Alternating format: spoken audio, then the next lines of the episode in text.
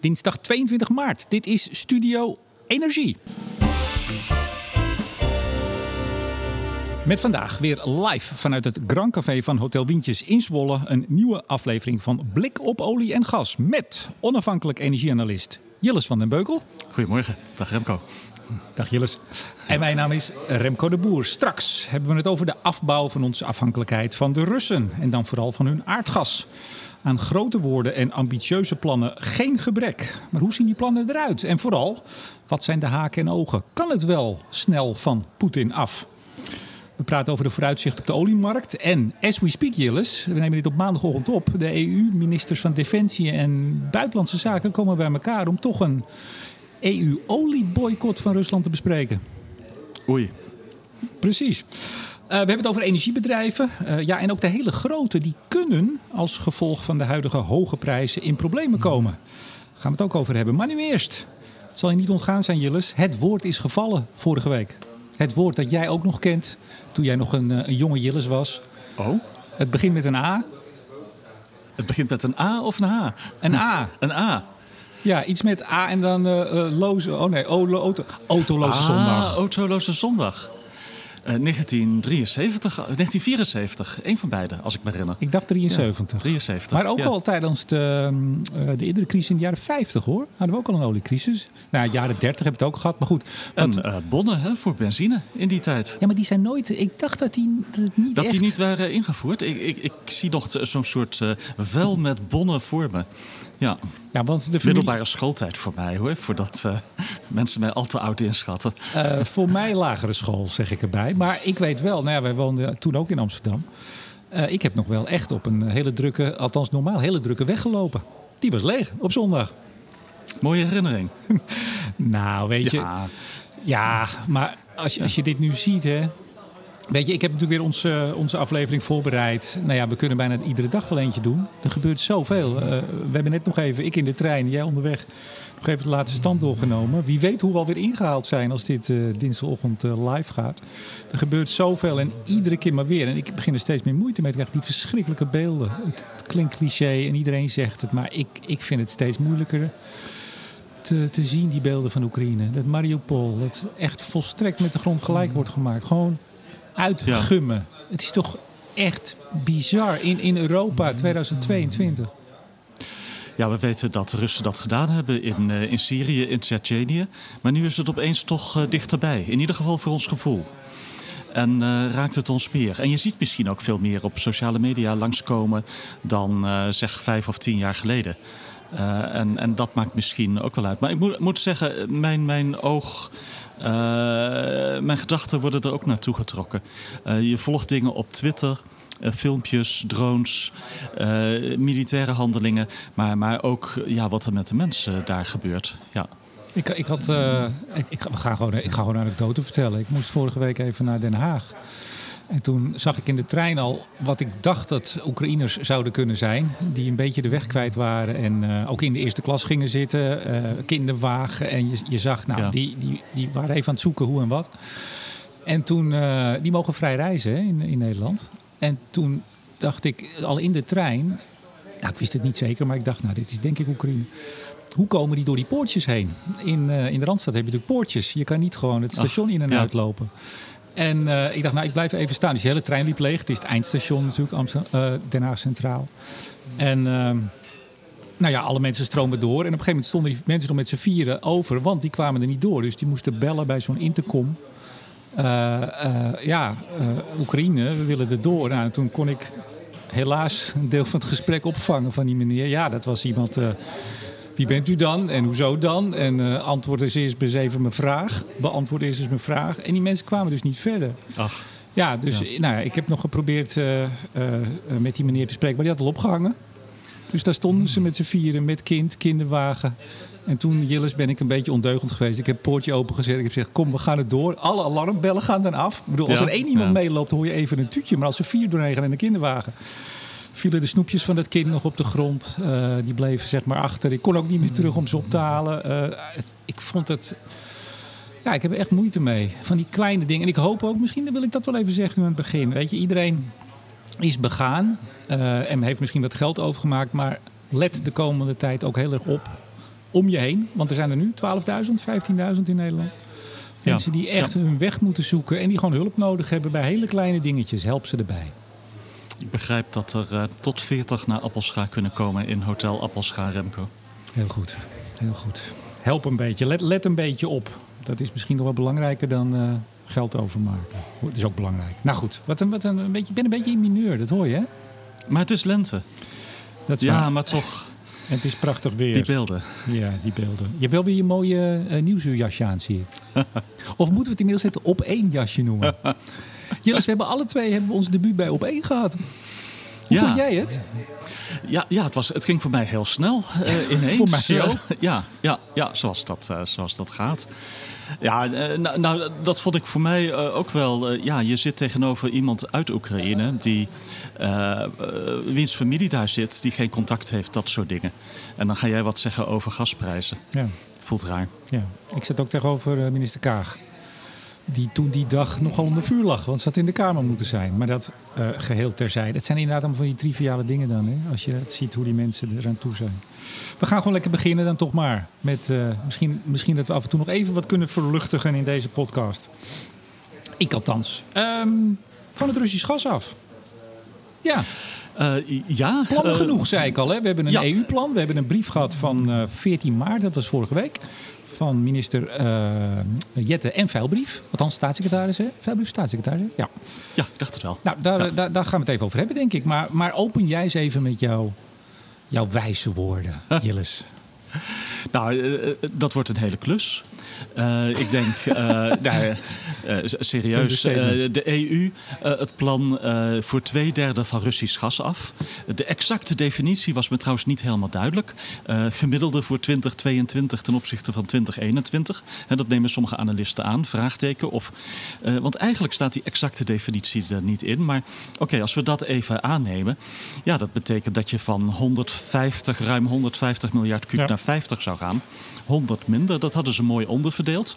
Nou, ik kijk vooral naar eh, ja, wat er aan de aanbodkant dan zou gebeuren. Aan de gaskant. Nou ja, de grote hap is 50 Ik heb het miljard. voor me, Jillis. Ik heb het lijstje Ja. even meegenomen. Nou, ik hoop dat ik het in mijn hoofd heb zitten, want het valt niet mee om alles in je hoofd te krijgen. Wat er Ja, dit is een makkelijke. Eh, Die heb ik zelfs in mijn hoofd. 50 miljard kuub meer aan LNG. Ja. En, en dat is een hele hap. En- voor en- eind dit jaar, hè? Ja, en, en daar, daarvan vraag je af hoe realistisch dat is. Kijk, alles kan als het moet. Maar op een gegeven moment wordt het verschrikkelijk duur. Hè?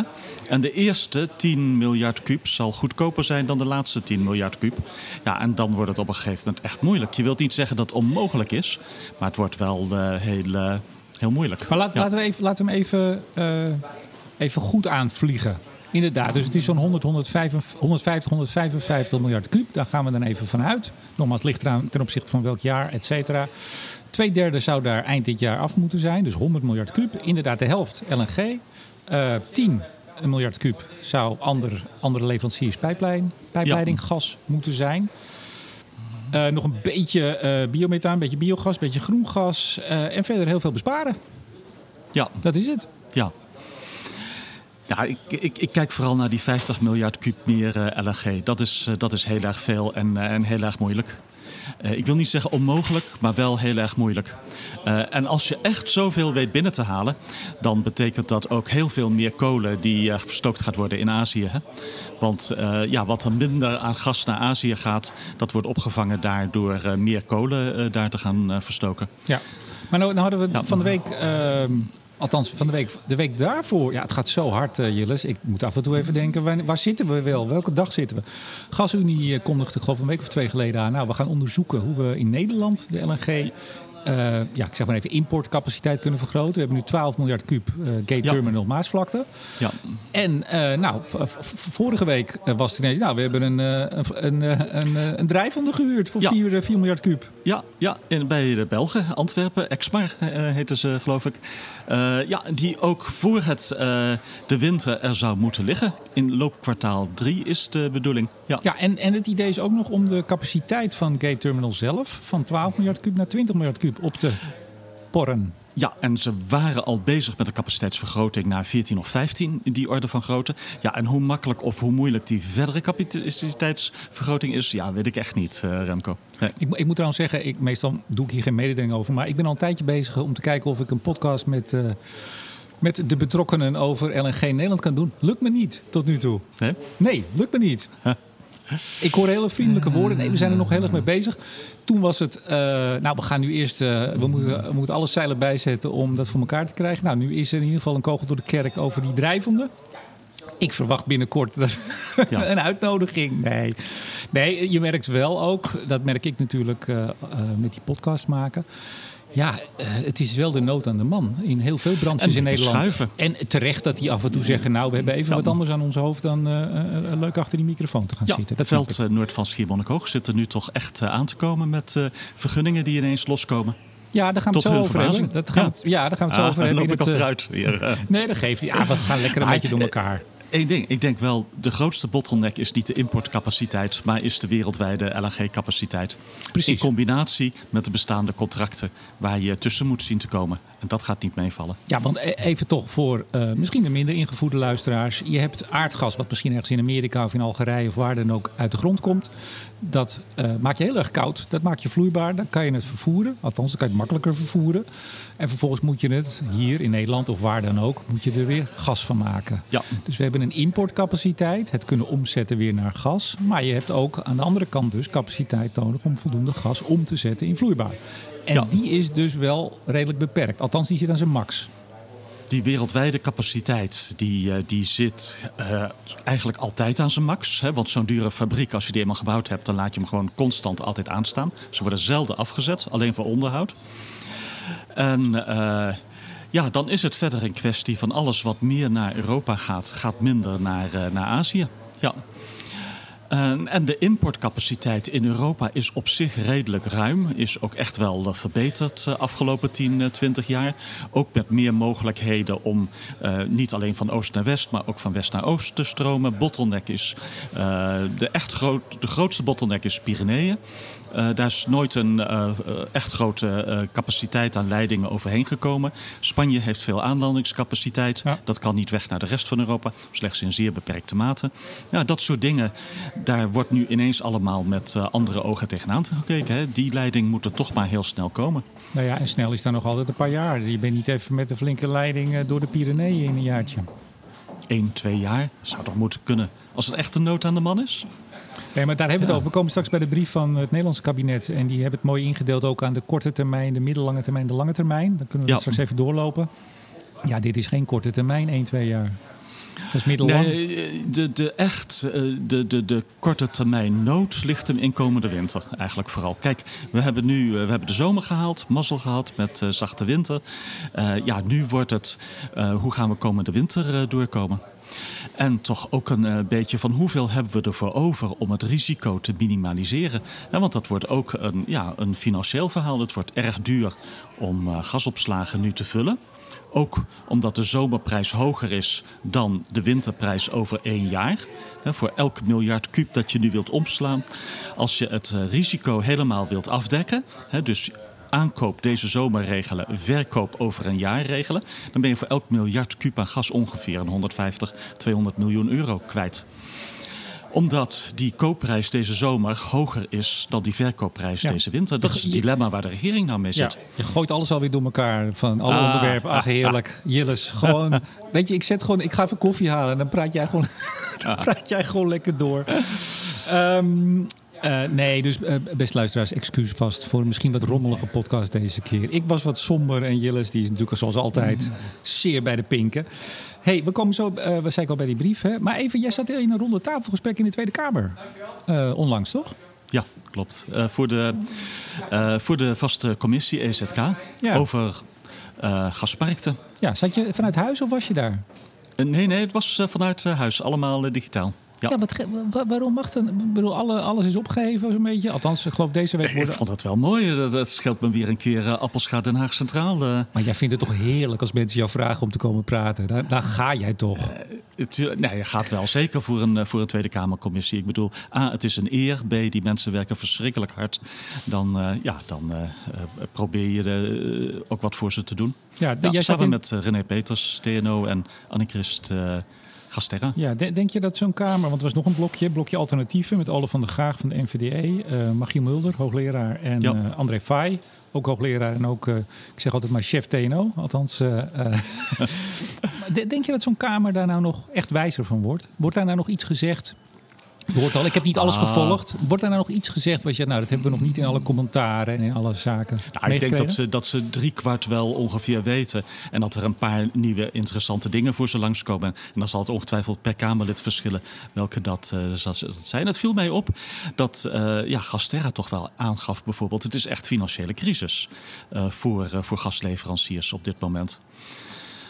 Dat, uh, dat had ik ze nog niet zo duidelijk horen zeggen. Dat is de laatste dagen ook een beetje in de publiciteit gekomen verder. Maar uh, ja, dat speelt, uh, dat speelt wel. Dat gaven ze wel, wel aan daar bijvoorbeeld. Ja, ja en hebben we het dan ook over de, hebben we het dan over de groothandel, noem ik het maar? Of hebben we het ook over de Vattenfalls en de Eneco's van deze wereld? Hebben we voor over alle partijen die gas aankopen en verkopen. Het zij als leveranciers aan bedrijven of consumenten. Het zij uh, als handelaren. Dus, dus dat speelt uh, voor de Vattenfalls net zo goed als voor de Glencores en de Gunforce. Ja, als voor de Shells. Ja, jij ging laatst dat op Twitter aan iemand uitleggen, de calls. En toen zei je er wel bij, nou ik ben ook niet echt expert. Dus ik, ik wijfel nu even of ik jou hierna moet vragen. Oh ja, nee, dat, kijk, een beetje kun je het wel, wel, wel zien natuurlijk. Maar kijk, ik ben natuurlijk geen handelaar. Ik heb nooit in die commerciële wereld gezeten. Nee. en, en voor zover ik weet, zijn die posities die uh, partijen innemen heel erg complex geworden. Het is niet zomaar één koop- en verkoopverdrag, maar gewoon een heel portfolio van instrumenten die je hebt. Ja, en er komen allemaal verzekeringen die je erop, hierop afsluit. Verzekering tegen dat je je, je handelspartner onderuit gaat. Uh, verzekering dat je het zelf wel uh, kunt bolwerken. Mag ik het even in mijn eigen woorden en dit zijn zeker leken woorden, want ik heb hier helemaal geen kaas van gegeten. Maar Ehm, ja, om, om dit soort uh, transacties te kunnen doen, moet je dus wederzijds een soort borgstellingen uh, geven.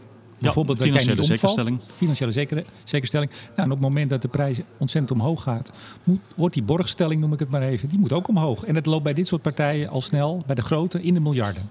Ja. En vervolgens moeten zij dat, als er in principe niks aan de hand is, kunnen ze dat gewoon lenen. En dan krijgen ze van een bank. En het, is ook niet, het zijn ook geen kosten. Ik bedoel, als alles goed gaat, valt dat weer vrij. Hè? Het is een soort, bankgarantie, zou ik het noemen, in, uh, in, in ZZP, MKB-termen. Een bankgarantie. Dus die, die valt weer vrij. Maar je moet hem wel op kunnen brengen. En als jij niet in staat bent om voldoende te kunnen lenen, je kan die middelen niet vrijmaken of krijgen, ja, dan, dan ben je dus weg. Ja, dan zul je je uh, totaal aan posities moeten verminderen. En dat is ook wel wat je ziet gebeuren. Dus je ziet eigenlijk twee dingen. Aan de ene kant wordt er meer geld binnengehaald. Uh, bron kunnen banken zijn, of moederbedrijven, of private equity. aan de andere kant wordt er ook ja, posities toch afgestoten. Omdat het aanhouden van die posities zoveel, zoveel financiering, zekerstelling met zich meebrengt. En op een gegeven moment, als dat te gek wordt, ja, betekent dat dat de markt gewoon minder liquide wordt. En dat kan wel een uh, probleem worden. Speelt niet alleen voor olie en gas, maar ook voor uh, agrarische producten. Speelt ook voor metalen. Ja. Uh, koperbeurs in Londen bijvoorbeeld is een tijd lang dicht geweest. Ja. ja. De, de, Financial Times die, die, die had een brief bemachtigd van de European Federation of Energy Traders, de EFET noem ik ze maar even. Um, daar hebben me meerdere Nederlandse kranten ook uit bericht. Vaak maar even met één of twee zinnetjes. Uh, die ook de directeur van Greenpeace, uh, Andy Palme, uh, tot een tweetje leiden van te bizar voor woorden. Subsidie voor vervuilende industrie. Zelfs BP en Shell kloppen aan voor steun. Die, dat, is, dat is dus een lobbyorganisatie waar ze allemaal bij aangesloten zijn. En die zeggen ja. Als dit zo doorgaat, dan, dan kunnen er dus bedrijven onderuit gaan. En zij pleiten dus, en je snapt het ook wel, daar zijn ze voor als lobby die pleiten dus voor zachte leningen van overheidswegen om in ieder geval die, die borgstellingen op te kunnen brengen. Zeg want, ik het zo goed? Eh, ja, want uh, blijkbaar hebben ze toch moeite dat op de private markt binnen te halen. Maar, maar de Shells en BP's toch niet? Uh, misschien, er zijn ook heel veel andere bedrijven dat lid, weet niet, Dat weet ik niet. Maar de, de grote handelaren, Trafigura bijvoorbeeld, uh, was wel in de publiciteit dat ze meer uh, geld bij private equity probeerden binnen te halen. Ja. ja. En ook de grote utilities, de ja, Unipers Uniper, van deze wereld, zijn er al veel langer mee bezig. Om zeker tijdens zo'n periode dat de prijzen heel snel omhoog gaan, om ja, meer meer financiering binnen te krijgen van moederbedrijven. Ja. Nee, maar het viel me op dat dan worden, worden vooral BP en Shell en dat soort bedrijven worden, ja, worden dan genoemd. Ik heb eens bij die ledenlijst gekeken. Ja. daar zit van alles tussen. Iedereen die, die handelt op die wereldmarkt in dit soort zaken. Mm. En uh, ja, daar kun je je bij voorstellen dat er hele grote verschillen zijn tussen die partijen. Ja, maar het is, ik kan me ook wel een beetje voorstellen dat mensen dat uh, wrang vinden. Want laten we wel zijn, uh, Shell verdient heel veel aan de handel. Uh, bedrijven als Glencore, Gunvor, Trafigura, nou, die, die zijn behoorlijk binnengelopen de laatste twee jaar met al die volatiliteit in de markten. Maar, maar Shell, hè, we, hebben het vorige, vorige maand hadden we het over de, de jaarcijfers. Was dat die winst ook weer ongeveer op, die jaarwinst? 20 miljard? Uh, ja, die orde van grootte volgens mij. Ja, over het hele jaar. Ja, met een heel goed vierde kwartaal. Terwijl bijvoorbeeld hun derde kwartaal minder was. Ja, maar dan ben, je toch, dan ben je toch wel in staat als een Shell. Laten we, nou, dan gaan we, gaan we toch weer over Shell. Maar laten we nee, maar dan ben je toch wel in staat om voldoende liquiditeit, voldoende middelen aan te trekken. Ook niet dat het probleem daar zozeer bij de Shells eh, van deze wereld ligt. Eerder bij de, de grote handelaren en bij de leveranciers dan bij de geïntegreerde bedrijven als, eh, als Shell en BP. Ja, want die verdienen ook aan die hoge prijs. Nou, dat is het. Uiteindelijk, onder de streep, kun je heel goed aan die hele posities verdienen nog. Als je dat een beetje slim doet en misschien ook een beetje mazzel hebt. Maar op de korte termijn heb je heel veel uh, geld en liquiditeit uh, nodig. En dat, uh, nou ja, dat, dat is voor sommige partijen te veel. Ja, ja. Ik, ik hoorde gisteren was het volgens mij, Saudi Aramco kwam met zijn jaarcijfers. Ja. 100 miljard. 110 dacht ik. Ja, dollar en 100 miljard euro. Oké, okay. ja, ja. Goed opletten, ja. Jilles. Dat is verschil, hè? nee, maar dat, zijn toch, dat is toch... Ik bedoel, ik kan me heel goed voorstellen dat, dat uh, uh, mensen zeggen... ja, maar zoveel verdienen. Uh, en nou, ze stoppen er wel wat meer nu, geloof ik, in blauwe waterstofontwikkeling. maar ja, het is toch ook bijna niet te nou, bevatten, dat soort bedragen. En, en Saudi Aramco hoeft niet bang te zijn voor speciale uh, windfall taxes. Maar dat zijn de shells van deze wereld uh, wel natuurlijk. Kijk, uh, waar maakt uh, iemand als Van Beurden zich zorgen over? Nou, ik denk niet over de olievraag. Ik denk niet ook over de olieprijzen. Maar wel over zijn license to operate. En, en over van, nou ja, als er nu tijdens zo'n cyclus van hoge prijzen ineens heel veel winst worden gemaakt, komen daar geen speciale belastingen aan voor, voor olie- en gasbedrijven. Dat, dat zie je een beetje aankomen, Remco. Ja. Ja. Hey, we gaan even door met um, met ons uh, van het Russisch gas af. Want we hebben het gehad over het uh, Repower EU. Dat was het uh, Europese plan. Overigens het feit dat, het, dat die definitie eigenlijk er niet goed in zit... betekent misschien ook wel dat het best wel snel in elkaar uh, zeven bladzijden of bij, uh, ja. Zeven bladzijden tekst. En, uh, nee, ook wel begrijpelijk, maar ja. Maar dit is ook, wat zal ik zeggen... de uitwerking die komt nu pas. Dit, dit zijn de, de mijlpalen, de ambities en, en de echte uitwerking. Ja, die komt nu. Nu, gaan ze langs, nu gaat een Robert Habeck langs in, in Qatar, hè, de Duitse minister. Ja, en ik... Qatar zal hem ongetwijfeld vriendelijk ontvangen. Hè? Ik, ik, maar, ik blijf vinden dat zijn minister van Economische Zaken van Duitsland. was denk ik een week of drie geleden.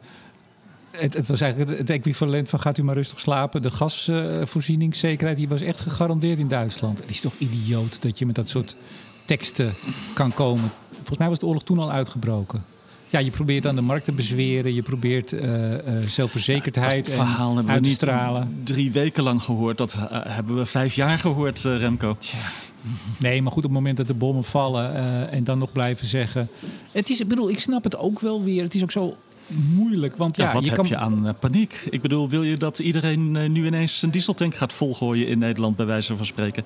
wat in Oost-Europa wel aan het gebeuren is, een, een beetje. Ja. Ik las ook ja. vanochtend nog in, ik dacht het FD, dat de, de, de LPG-tanks zijn weer in trek. auto's die zich willen laten ombouwen naar LPG. Kan dat nog? Ja, ja nou val je een beetje door de mand, jullie. Je zei, ik heb het FD vanochtend gelezen, maar volgens mij... Ja, maar die niet. Nee, er, was, er stond een... Uh, of was het niet het ja, ik wou, ik wou over de gasopslagen lezen en ik wou de, de eerste bladzijde lezen over de tuinders.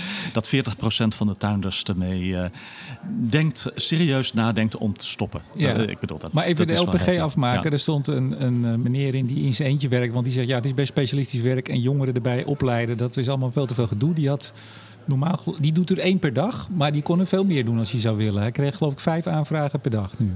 Ja. Tegen vroeger één per week. Nou ja, anyway. Er gebeuren uh, hele bijzondere en gekke dingen. En je hebt wel gelijk, aan paniek heeft niemand wat.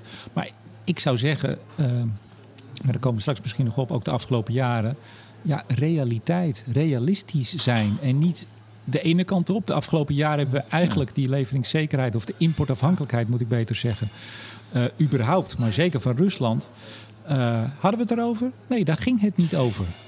Nee, niet echt. Het stond in ieder geval niet bovenaan de lijst. Dat, dat kunnen we echt wel stellen. Ja, en als het, het stond boven... onderaan de lijst. Nee, maar als het, het precies, als het, ja, kijk, weet je, uh, alles wordt wel een keer gewisseld in een kamerbrief of in uh, antwoord op vragen. Dat is een maalstroom. Daar kun je, daar kun je acht, negen uur per dag, de hele dag permanent lezen. Ja. Het komt altijd wel een keer langs, maar het nou, was geen politiek issue. Nee. En dat geldt voor Nederland, dat geldt voor de EU en dat geldt gewoon voor iedereen, voor ons als samenleving. Het, het, het was het niet toen we Groningen dicht deden. Daar kunnen we ons van alles bij voorstellen. Dat was echt ook een, ja, ook een, een, een noodsituatie, een politieke mhm. noodsituatie. We moesten er vanaf, we moeten er vanaf. Dat was het niet toen we de kleine velden op land gingen uh, eigenlijk inperken. Geen nieuwe zoektochten meer. Uh, het was het niet toen we de kolen uh, gingen sluiten. De kolenstralers. Kolenbeperking opleggen, komen we zo op. nee, het was gewoon geen issue. En ik heb er een, een draadje over gemaakt gisteren. Weet je, het, het gevaar is, en ik begon me wel wat te irriteren, moet ik eerlijk zeggen.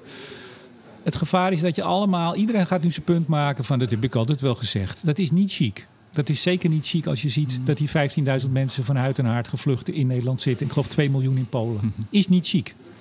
Ik vind ook niet chic, en daarom was ik wat geagiteerd, dat we nu net gaan doen alsof we dat altijd toch wel uh, op het netvlies hadden. Die brief van, uh, laten we daar maar naartoe overstappen, de brief van Jette en Veilbrief.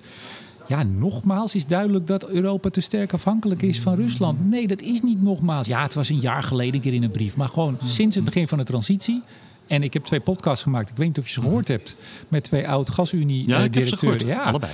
Ja. Nou, daar hoor je hoe we gewoon stap voor stap gedaan hebben wat we gedaan hebben. Daar kun je van alles van vinden. Dat is gebeurd. Maar je kunt nu niet gaan doen van, nou kijk eens, we hebben het eigenlijk altijd wel gezegd. We, dat, we waren er gewoon niet mee bezig. We wilden voor het klimaat, wilden we van kolen af, we wilden van, van, van alles af. We wilden in ieder geval geen winning in Nederland meer van gas. Eigenlijk niet, hè? Nergens niet. Beetje op de Noordzee, maar ook dat niet te veel.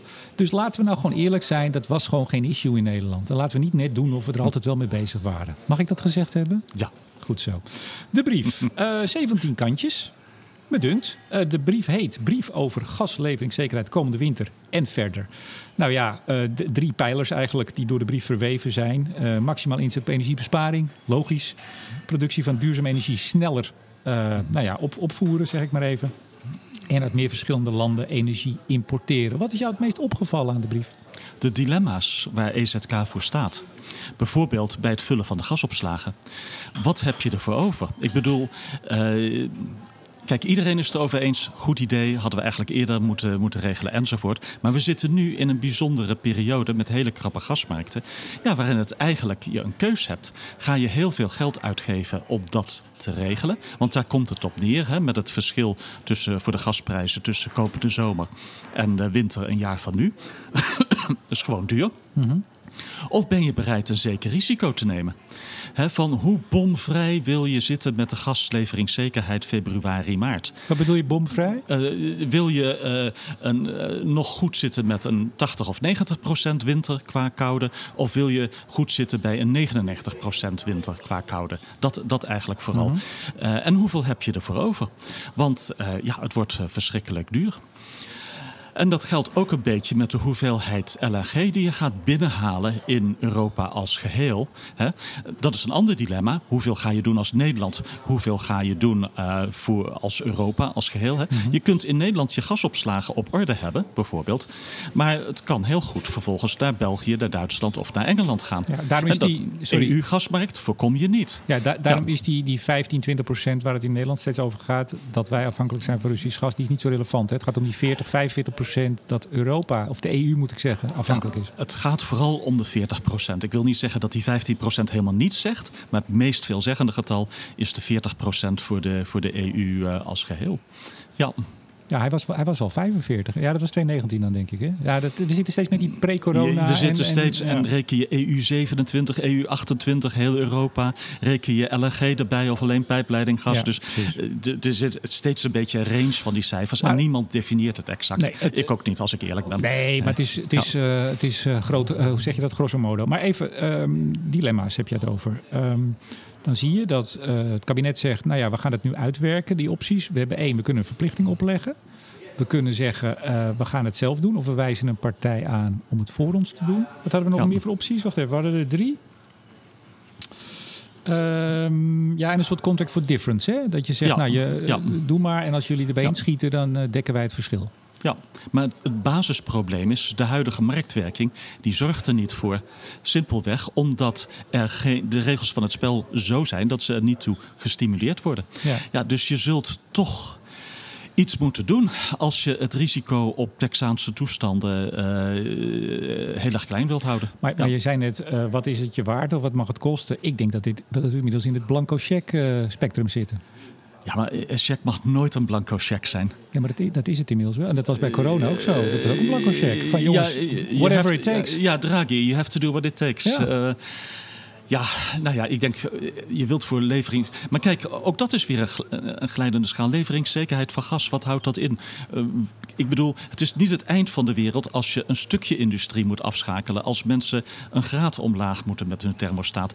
Maar het wordt wel veel moeilijker als het grote lappenindustrie zijn. Als het geen 1 graad, maar 2 graad uh, moeilijker is, bij wijze van spreken. Dus ja, er zit wel een. ja, het is een beetje een glijdende schaal allemaal. Het is niet zo zwart-wit. Nou, ik zag vanochtend, of dat was in de zaterdag in de Volkskrant. Dat vond ik een heel opmerkelijke. Daar heb ik even over getwitterd net. uh, iemand van de Volkskrant, dus een redacteur, die van ja, uh, dan moet ik hem even parafraseren, want ik heb hem niet paraat. Maar het kwam erop neer. Uh, uh, ja, moeten we maar eens kijken. Al die energieslurpende bedrijven, moeten we die wel steunen in deze tijd? Of, ja. of zitten we dan eigenlijk de energietransitie dwars? Ik vond het een bizarre uitspraak. Ik, vond, ik vind echt dat je dit soort zaken nu. Kijk, je mag alles ter discussie stellen. Je mag zeggen, moeten wij uh, zoveel industrie hebben? En welke dan? En is die glastuinbouwsector niet te groot? Je had het er net al over. Hè? 40% zegt nu eigenlijk, we slaan of dit seizoen over of we stoppen er helemaal mee.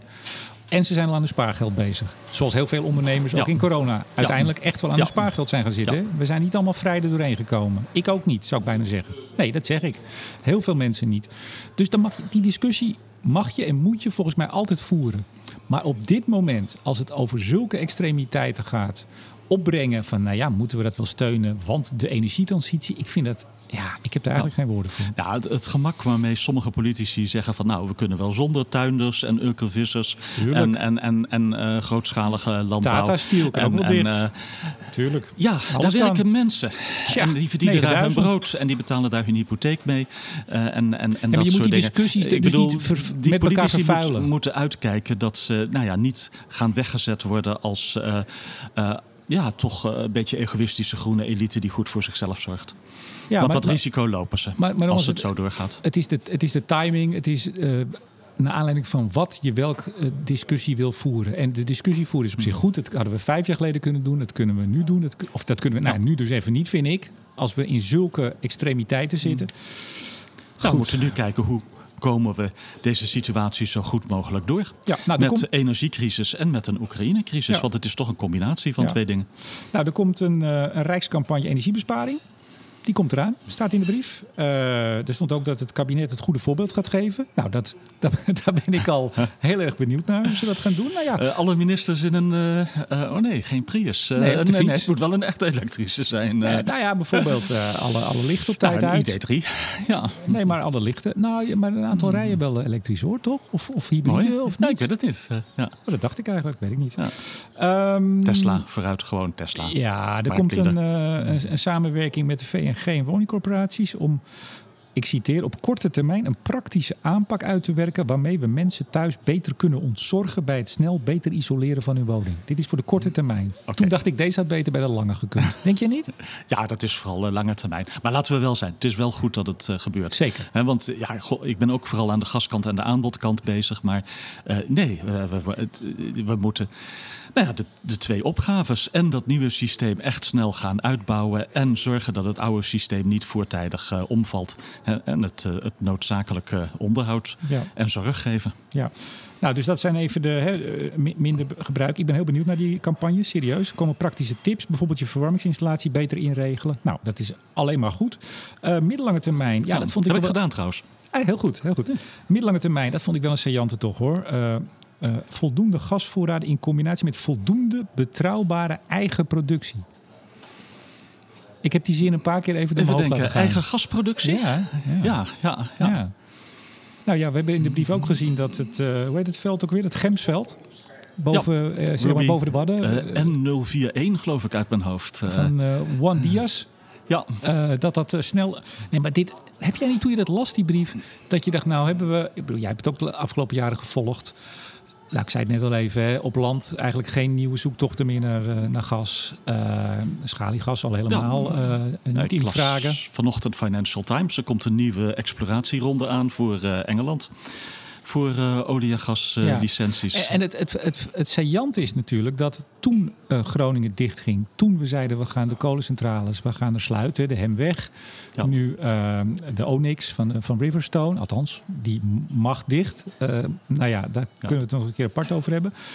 Toen zag je nooit bij dat soort bekendmakingen. Nou, we hebben even de analyse gemaakt. En dat betekent dat we afhankelijker worden van uh, importgas en ook van Russisch gas. Dus we gaan wat meer gas op de Noordzee winnen. Heb ik nooit gezien. Nee, dat was, als je in de sector sprak uh, de afgelopen jaren, het was moeizaam. Vergunningen duurden. Men kreeg vaak de indruk dat EZK ook helemaal niet wilde dat er meer gas gewonnen werd op de Noordzee. EZK wilde wel, maar je hebt een pool van ambtenaren die zo groot is. En dan is het gewoon, waar zet je die mensen op? Nou ja, en die gingen naar een ander dossier toe. En dan duurde het lang voor de olie- en gaswinning. Die stond, dat stond simpelweg niet bovenaan de lijst, zeg maar gerust onderaan de lijst. Ja, maar het, het, ja. het saillant is natuurlijk dat, uh, dat met uh, een aantal ingrepen die we hebben gedaan, zoals Groningen, zoals de kolencentrales. En we weten allemaal ja. waarom. Dat ja. hebben we allemaal goed kunnen volgen, ja. ook in de media. Dat er niet meteen een analyse werd gemaakt van, nou, dat betekent dus dat we meer afhankelijk worden van aardgas, van aardgas uit het buitenland. Hoe gaan we dat doen? Want nu ineens nogmaals uit de brief, ik citeer, uh, opsporings- en winningsactiviteit op de Noordzee versnellen. Door EBN in te zetten nou ja, om geologische onzekerheden uh, uh, op te nou ja, dat, dat hebben ze afgelopen jaren echt wel gedaan en geprobeerd bij, uh, bij EBN. Die geologische onzekerheden zijn niet waarop het hangt. nee, nou, daarnaast wil het kabinet, ja. ik citeer nogmaals, de doorlooptijd van vergunningsprocedures verkorten. Ja, dat kon dus blijkbaar wel. En dat gebeurde Tuurlijk, dus niet de afgelopen jaren. Nee. nee. maar dus hebben we ons ook, nogmaals, dan kom ik even terug bij mijn vorige punt. Dus hebben we gewoon geen prioriteit gegeven. Het stond onderaan het lijstje, die afhankelijkheid van Rusland en überhaupt van externe. Ja. Van import. En, en, je ziet hoe uh, pendulums heen en weer swingen van helemaal ene kant op, helemaal andere kant op. En eigenlijk denk je van, goh, misschien hadden we, hebben we in, in, in Nederland een iets rustiger, maar wel wat consistenter beleid nodig. In plaats van uh, ja, uh, dat één issue alles overheerst. He, vandaag is het dit, morgen is het dat. Uh, daar komen we zo, wat weer, wat, daar komen we zo nog even iets bij de olie. Meer, iets meer lange termijn. Uh, daar, ja. kom, daar komen we zo nog even over bij de, de olie-import. Ik maak hem even af. Nou, meer um, uh, vloeibaar gas, LNG. Nou, daar hebben we het net al over gehad. Hè? de gate terminal, capaciteit opvoeren, et cetera. Vraagreductie elektriciteitssector. Uh, en toen, ja, dat vond ik ook wel weer bijzonder. Het kabinet wil ook in Europees verband kijken hoe de Europese Unie versneld onafhankelijk kan worden van Russische kolen. Want, schreef, uh, schreven de twee bewindspersonen, ja, als we nou meer kolen gaan stoken, hè, we hebben een productiebeperking erop zitten vanaf 1 januari, er kan er nog eentje dicht.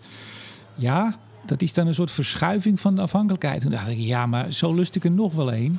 We zijn inderdaad voor 46% afhankelijk van de Russische ja, kolimport. Die... Maar die is toch wel van meerdere plekken te halen in de wereld? Ja, kolen is niet het probleem dat, uh, dat gas is. Bij gas zit je vast aan uh, uh, transportmogelijkheden, pijpleidingen met andere woorden. En kolen, ja, dat is net als olie. Dat, dat vaar je de hele wereld over. Dus dat ligt een stuk makkelijker. Waarmee ik niet wil zeggen dat het heel makkelijk ligt, want ook de kolenmarkten zijn krap. Maar het, staat niet in vergelijking uh, met wat er in olie en gas gebeurt. Wat wij aan kolen uitgeven naar Rusland is uh, een orde van grootte kleiner als wat we aan olie of aan uh, gas maar je, je proeft dus uitgeven. Dus, je proeft in zo'n brief dus dat, en dat snap ik heel goed dat het kabinet niet zegt, nou jongens, hup, we halen die 35% productiebeperking, halen we er vanaf. Zover waren ze nog niet, maar ik denk wel dat ze dat als mogelijke optie zien later dit jaar. Ik bedoel, er is maar één optie niet op tafel, uh, Remco, en dat is Groningen, dat is duidelijk. Nou, last resort wel. Hij, het staat last er wel. resort, ja, dat is een mooie uh, Latijnse term, ultimum uh, remedium, ja. zoiets. Ja. Als echt al het andere niet meer lukt. Maar ondertussen de, de andere brief, de drie kantjesbrief van Veilbrief en de brief van SODM liet toch wel zien van nou ja, dat, dat uh, op dit moment dat een stap te ver is. Je bedoelt SODM, die, uh, die politieke organisatie, bedoel je die? Uh, ja, die, even de politieke hoed, hoed van SODM en niet de, de, de, de regulator-hoed, de toezichthouderhoed. Die hebben ze ook. Ik vraag het heel voorzichtig. Heb je daar een mening over, Jilles? Dat een nou, toezichthouder nou, die... politiek bedrijft door al meteen uh, te zeggen... nee, dat is eigenlijk nou, dus uh. Wat je nu zegt, ze bedrijven een beetje politiek. Dus dat is al een, een mening. Maar die mening, uh, die heb ik ja toch wel van. dat je dat op dit moment op die manier naar buiten brengt. Daarmee maak je het moeilijker voor de politiek om een, een rationele, nuchtere discussie... met voor's en tegens te voeren over Groningen. En dat, dat is tot nu toe niet gelukt in Nederland. En ik heb daar ook een, een, een hard hoofd in ja. dat dat gaat lukken. Maar er is één ding waarbij wij moeten oppassen in Groningen. En dat is, kijk, de NAM die gaat gewoon bezig met abandoneren. Hè? Cement in de putten, uh, clusters opruimen. Als dat nog een tijdje zo doorgaat nou, dan is het helemaal geen vraag meer. Dan is de capaciteit uh, weg. Hè? Dus je moet wel oppassen. Als je vindt van je wilt die reservecapaciteit handhaven, dan moet je op een gegeven moment uh, nu komend jaar of komende, uiterlijk komende twee jaar moet je wel ingrijpen om te zorgen dat die productiecapaciteit er blijft. Want anders gaat die gewoon weg hoor. Want als het aan de olies ligt, dan uh, wordt de hele zaak daar zo snel mogelijk en zo efficiënt ja. mogelijk opgeruimd. Ik, ik voeg nog even toe dat een, een beetje politiek bedrijf is als een beetje zwanger. Je bent het of wel of je bent het niet, Jillis. Maar dat wou ik nog even toevoegen. Hey, ik maak even het lijstje SODM af. bedrijft wel een beetje politiek. Ze bedrijven politiek. Um, lange termijn ook, ja, nee, eigenlijk alle dingen die al, die, waar we al mee bezig zijn. Uh, hè, waterstof, groene waterstof, elektrificatie, noem maar op. Groen gas. Uh, alles wordt eigenlijk genoemd in de brief als iets wat voor de lange termijn ja, geïntensiveerd. Kern, kernenergie, maar één, één korte lineaatje over kernenergie staat in de brief. Zag je het? Ja, ja. maar ondertussen uh, ook heel recent. Ja, nee, er komen echt uh, grote plannen aan in, uh, in Engeland bijvoorbeeld nu. Hè. Frankrijk had een, een paar weken, een paar maanden geleden dat het plannen werden aangekondigd voor kernenergie. Die, die komen er nu aan voor, voor Engeland. Ja, ja nee, dat, die jongens die, die zijn over het algemeen wat, wat voortvarender en wat stabieler in Maar dat is ook uh... niet zo gek. Ik denk voor Nederland is het, kijk eens over vijf jaar, hoe gaat dat in Frankrijk, in Engeland? Als die er daadwerkelijk in slagen om nieuwe kerncentrales bouwen in Europa aantrekkelijker te maken, dan wil je aanhaken bij die trein. Ja, Zoals wij ook zijn aangehaakt bij de wind op zeetrein bijvoorbeeld. Niet voorop, maar als het enigszins lijkt te lukken, dan haken we aan. Smart follower heet dat in business terms. Uh, en helpen het dan ook versnellen. Helemaal tot slot even, vind ik toch belangrijk hoor. Dat nationale isolatieprogramma, wat al was aangekondigd in het coalitieakkoord van de vier partijen. Ja, dat moet ja. ook versneld worden. Is ook hartstikke goed. Ja, tuurlijk. Ja, ja. Hè, daar hebben we geen discussie over, zou ik zeggen. Uh, isoleren, isoleren, isoleren. Ik heb, uh, wij hebben morgen, dinsdag, vergadering van de VVE. Ik ga maar eens inbrengen of wij in ons hele complex, er zijn 34 woningen, ah. uh, nieuw gestapelde bouw, of we nieuwe ramen kunnen krijgen. Het is uit 1992 mm. en dat, dat dubbele glas van toen, dat was toen top, maar dat is nu uh, ja. niet, niet, zoveel meer. Hey, we gaan even naar de olie nog, want we lopen een beetje uit de tijd. Uit de klok, hoe zeg je dat? Um, ja, India, die, die zegt, nou kom maar op met die goedkope olie. Die kunnen met 20% korting per vat zo'n 20, 25 dollar per vat, kopen ze lekker op. Ja, je ziet nu stromen veranderen. Je ziet die hele olie-industrie en de verwerking daarvan zich een beetje uh, zetten, als het ware, aanpassen aan de nieuwe situatie. En daarbij hoort ook bij blijkbaar dat er wat, Russisch, wat meer Russische olie naar uh, landen als China of, of India gaat. Voor zover mogelijk, hè, met alle logistieke capaciteit die je daar hebt. Maar het is natuurlijk wel, uh, wel wat mogelijk. Ja, en afrekenen niet meer in dollars, maar uh, in een uh, andere valuta. Roepies. Ja. Ja. Jij bent zo druk. Beste luisteraars, wij mailen af en toe dan toch even ter voorbereiding op, op zo'n uitzending. Niet heel veel, maar even. Toen schreef jij, ja, Russische olie wordt verkocht met grote discounts. Meer naar Rusland en India. Ik denk dat je China bedoelt. Oh, meer naar China en India, ja. Nou, ja als jij dat soort uh, onschuldige foutjes maakt, dan is, dan is Jillis druk hoor. Dan, uh, dan is hij even de, de discounts zijn groot, hè? 25, 30 dollar discount voor Oerals. En, en je ziet, uh, sommige bedrijven willen dat niet meer. Andere bedrijven, ja, die hebben lange termijn contracten voor de afname lopen. Ja, die, die willen, moeten ook daar voorlopig mee doorgaan. Maar je moet je ook afvragen van, wil je überhaupt een olieboycott in Europa en in de wereld? Hè? Want... Uh, ja, oei. Uh, twee, je hebt ten eerste het risico dat uh, Rusland terugslaat met een gasboycott. Dat is voor Europa op dit moment nou ja, echt een heel groot probleem als dat zou gebeuren. Het dreigement was begin deze maand al, hè, door ja, de vicepremier. Ja, en dat, dat is ook wel reëel, die kans dat dat dan gebeurt. Ja, en het, het, tweede met olieboycott. Ja, je moet het of helemaal doen, of je moet het niet doen. Maar niet een beetje ertussenin.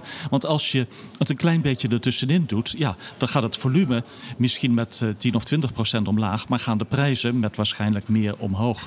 Dus dat is ja, in die hele energiewereld qua, qua sancties met, met Rusland zo. Van ja, wees een beetje streetwise en kijk uit wat het, uh, wat het aanricht. Wacht even, mogen we nog twee cappuccino? Lekker. Ja, Nee, maar dus, dus, en dat was hetzelfde als die roep voor, van uh, gemeentes en geloof provincies om hun ja. contract met Gazprom op te zeggen. Nou, daar, ja, daar spint alleen had, maar Gazprom garen uh, bij. Uh, en daar had Jacques Lomme een heel mooi artikel over in ja. Energia, waarin hij dat helemaal punt voor punt precies schetste. Waarom je dat beter niet kunt doen. Ja. Ja, want nu met die mogelijke, nogmaals, er wordt vandaag maandag over gesproken door de EU-ministers, mogelijke olieboycott. Dat kan dus eigenlijk op een vergelijkbare manier hetzelfde effect hebben dat Gazprom er eigenlijk alleen maar rijker van wordt? Uh, als het, uh, je moet het of helemaal doen of niet doen. Maar niet een beetje ertussenin blijven hangen. En ik ben bang dat je uh, al gauw een beetje tussenin blijft hangen. En dat op zich, nou ja, je ziet al, IEA die, die schetste van... oké, we zien nu in de huidige situatie toch een beetje ertussenin hangen ja, uh, 3 miljoen vaten per dag minder aan Russische olie en olieproducten. Olieproducten, diesel vooral. Hè. Mm -hmm. Diesel is, is krap in Europa. Dat begint ja. een probleem te worden. Want zij produceren zo'n 8 miljoen vaten per dag, dacht ik. Uh, nee, 10, 10, 10, ruim 10 miljoen vaten per dag. Ja. Maar, maar stel... En ze exporteren er... Uh, vijf, waarvan drie naar Europa. En dat is dan uh, twee derde ruwe olie, een derde producten ja. ongeveer. Maar, maar stel nou even dat die hele drie, die nu naar Europa gaat, 3 miljoen vaten per dag, die gaat naar India. Stel, dat, dat wordt hem niet. Nee, nee, zo, nee. Stel even, doe ja. even met me mee, Jillis. Stel, het gaat even om het principe. Die gaan naar India. India hoeft dus niet meer uit andere bronnen uh, af te nemen, bijvoorbeeld het Midden-Oosten. Ja. En die nemen wij dan. Ja, daar komt het op neer. Alleen gaat er echt geen 3 miljoen vaten nee, naar India. Niet. Maar wel een klein beetje. Ja. Een, een, fractie daarvan. Overigens en dit, meer dan vroeger. Dit, ja. dit weekend sowieso uh, ontwikkelingen oliemarkt. Uh, er waren weer Houthi, uh, ik geloof een Houthi-aanslag of aanval op een Saoedische raffinaderij. Die echt stil kwam te liggen. Dus Heb de output, output van nee. Saudi-Arabië was weer minder. Dat gebeurt regelmatig, hè, die aanvallen. Ja. Door de Houthi-rebellen. Jemen. Ach, zoek het even op. Uh, het lijkt toch ook wel dat het OPEC Plus gat tussen productie, tussen hun cijfers die ze zeggen en wat ze kunnen waarmaken, dat, ze dat, dat het gat steeds groter wordt, las ik nog bij Reuters. Ja, je hebt niet zo heel veel reservecapaciteit meer. De capaciteit die er is, is Saudi-Arabië en de Emiraten. Uh, en uh, ja, dat is niet genoeg om de 3 miljoen vaten uitval uh, van, van Rusland op te kunnen vangen. Ja. En ik zag tot slot de, de, de oil rigs, de, de boor torens, boorplatforms in Amerika. Die zijn wel iets toegenomen het vorig jaar. Maar eigenlijk niet wat je zou verwachten met de mogelijke, mogelijke gas nee, waar de nee. VS in kan springen. En, en Biden vraagt ze steeds van... Uh, ja, jullie moeten meer gaan produceren, meer gaan produceren. Ja. En, en, en die bedrijven zeggen van... ja, maar het is voor ons moeilijk om daarvoor kapitaal te krijgen. Ik bedoel, uh, Wall Street, hun financiers, die zeggen van... wij vinden het eigenlijk wel mooi zo. Van uh, produceren jullie maar een beetje op je huidige niveau toe... of met een lichte toename. En ja, dat die prijzen zo hoog zijn, is niet ons probleem. Dat is kassa. Tja. Rare wereld, hè? Het is een hele rare wereld, uh, Jillis. Maar tot slot over uh, dit, en dan gaan we zo afronden. Um, jij zegt dus of je doet een volledige olieboycott van Euro of uh, een Europese olieboycott van de Russen, of je doet het niet. Klopt. Ja. Nou, we gaan het horen als dit, uh, als dit live gaat dinsdagochtend. Dan misschien is er al uh, witte rook, zou je kunnen zeggen. Um, hebben we nog iets gemist? Ja, we hebben, alles, we hebben heel veel gemist. We zouden uren door. Maar heb je nog echt dingen op je lever dat je zegt, nou, dat moet ik nog even kwijt, Remco? Nee, ik vind het mooi zo, Remco. Ja, ja, zijn we rond. Heb je nog iets voor de vooruitblik misschien? Laten we misschien nog iets van luchtig, luchtig eindigen. Het is, uh, kijk eens naar buiten. Blauwe lucht, lente. Ik, uh, ik ga straks even door naar de Argemerberg. Dat is een mooie stuwwal midden in Overijssel. En dan heb je prachtig uitzicht. In de verte zie je Zwolle. Aan de andere kant zie je in de verte ja, zie je Duitsland zelfs. Heb je een interview? Want je hebt je keurige jasje aan. Dat doe je toch niet zomaar? Ja, voor jou. nou, echt waar? ik ga helemaal blozen. Um, heb ik nog wat? Even kijken. Nou ja, ik heb, ik heb wel wat. Ik heb uh, gisteren eigenlijk de datum van de, de grote Studio Energie, Klimaat en Energie Kennisquiz met Martin Visser in Theater Diligentia heb ik bekendgemaakt. 25 mei. Leuk. Uh, maar 300 plekken. Uh, dus ga, ga, nou niet meteen mailen en anderszins. waarom zeg ik dit eigenlijk? Ja, nou maak ik allemaal slapende honden wakker. Dit is wel heel dom wat ik nu doe. Oh, oh, oh, oh, oh. Um, volgende week zaterdag weer de marktupdate met Hans van Kleef. Ja. Daar zie ik ook altijd zeer naar uit. En ik ga de komende tijd waarschijnlijk, uh, zeg ik voorzichtig, iets meer doen met inderdaad waar we nou dat gas vandaan halen. Er zijn een aantal opties, groen gas, uh, uh, nou ja, Groningen Last Resort hebben we het over gehad. Ik heb nu de afgelopen twee weken vooral gekeken naar het verleden. Hoe zijn we nou gekomen in de positie waar we gekomen zijn? En ja, ja, dit blijft toch wel het topic, hè? Gas. Ja, toch. Ja. De komende tijd. Laten we hopen dat we er. Uh, ja, ik zou bijna zeggen, laten we hopen dat Gas we er binnenkort. Engpas is het Duitse woord, heb ik begrepen. Dat kende ik nog niet. Hm. Ja, waar, waar staat, wat betekent dat? Uh, gasschaarste, denk ik. Uh, gasengpas. Ik vond het een mooi woord. Gewoon, soms kom je van die mooie Duitse woorden tegen. Chefsache. Vond ik ook altijd zo mooi. Laten we hier dan prachtig mee eindigen. Tot zover deze aflevering van Blik op olie en gas. Met onafhankelijk energieanalist Jilles van der Beuk. Ja, inderdaad. God hemel. Volgende keer gaan we voortaan dat je eerst even nadenkt wat je, wat je gaat zeggen. We doen hem gewoon over. Tot zover deze aflevering van Blik op Olie en Gas met onafhankelijke energielist Jens van der Beukel. Uh, en uh, Remco de Boer. Graag tot de volgende keer.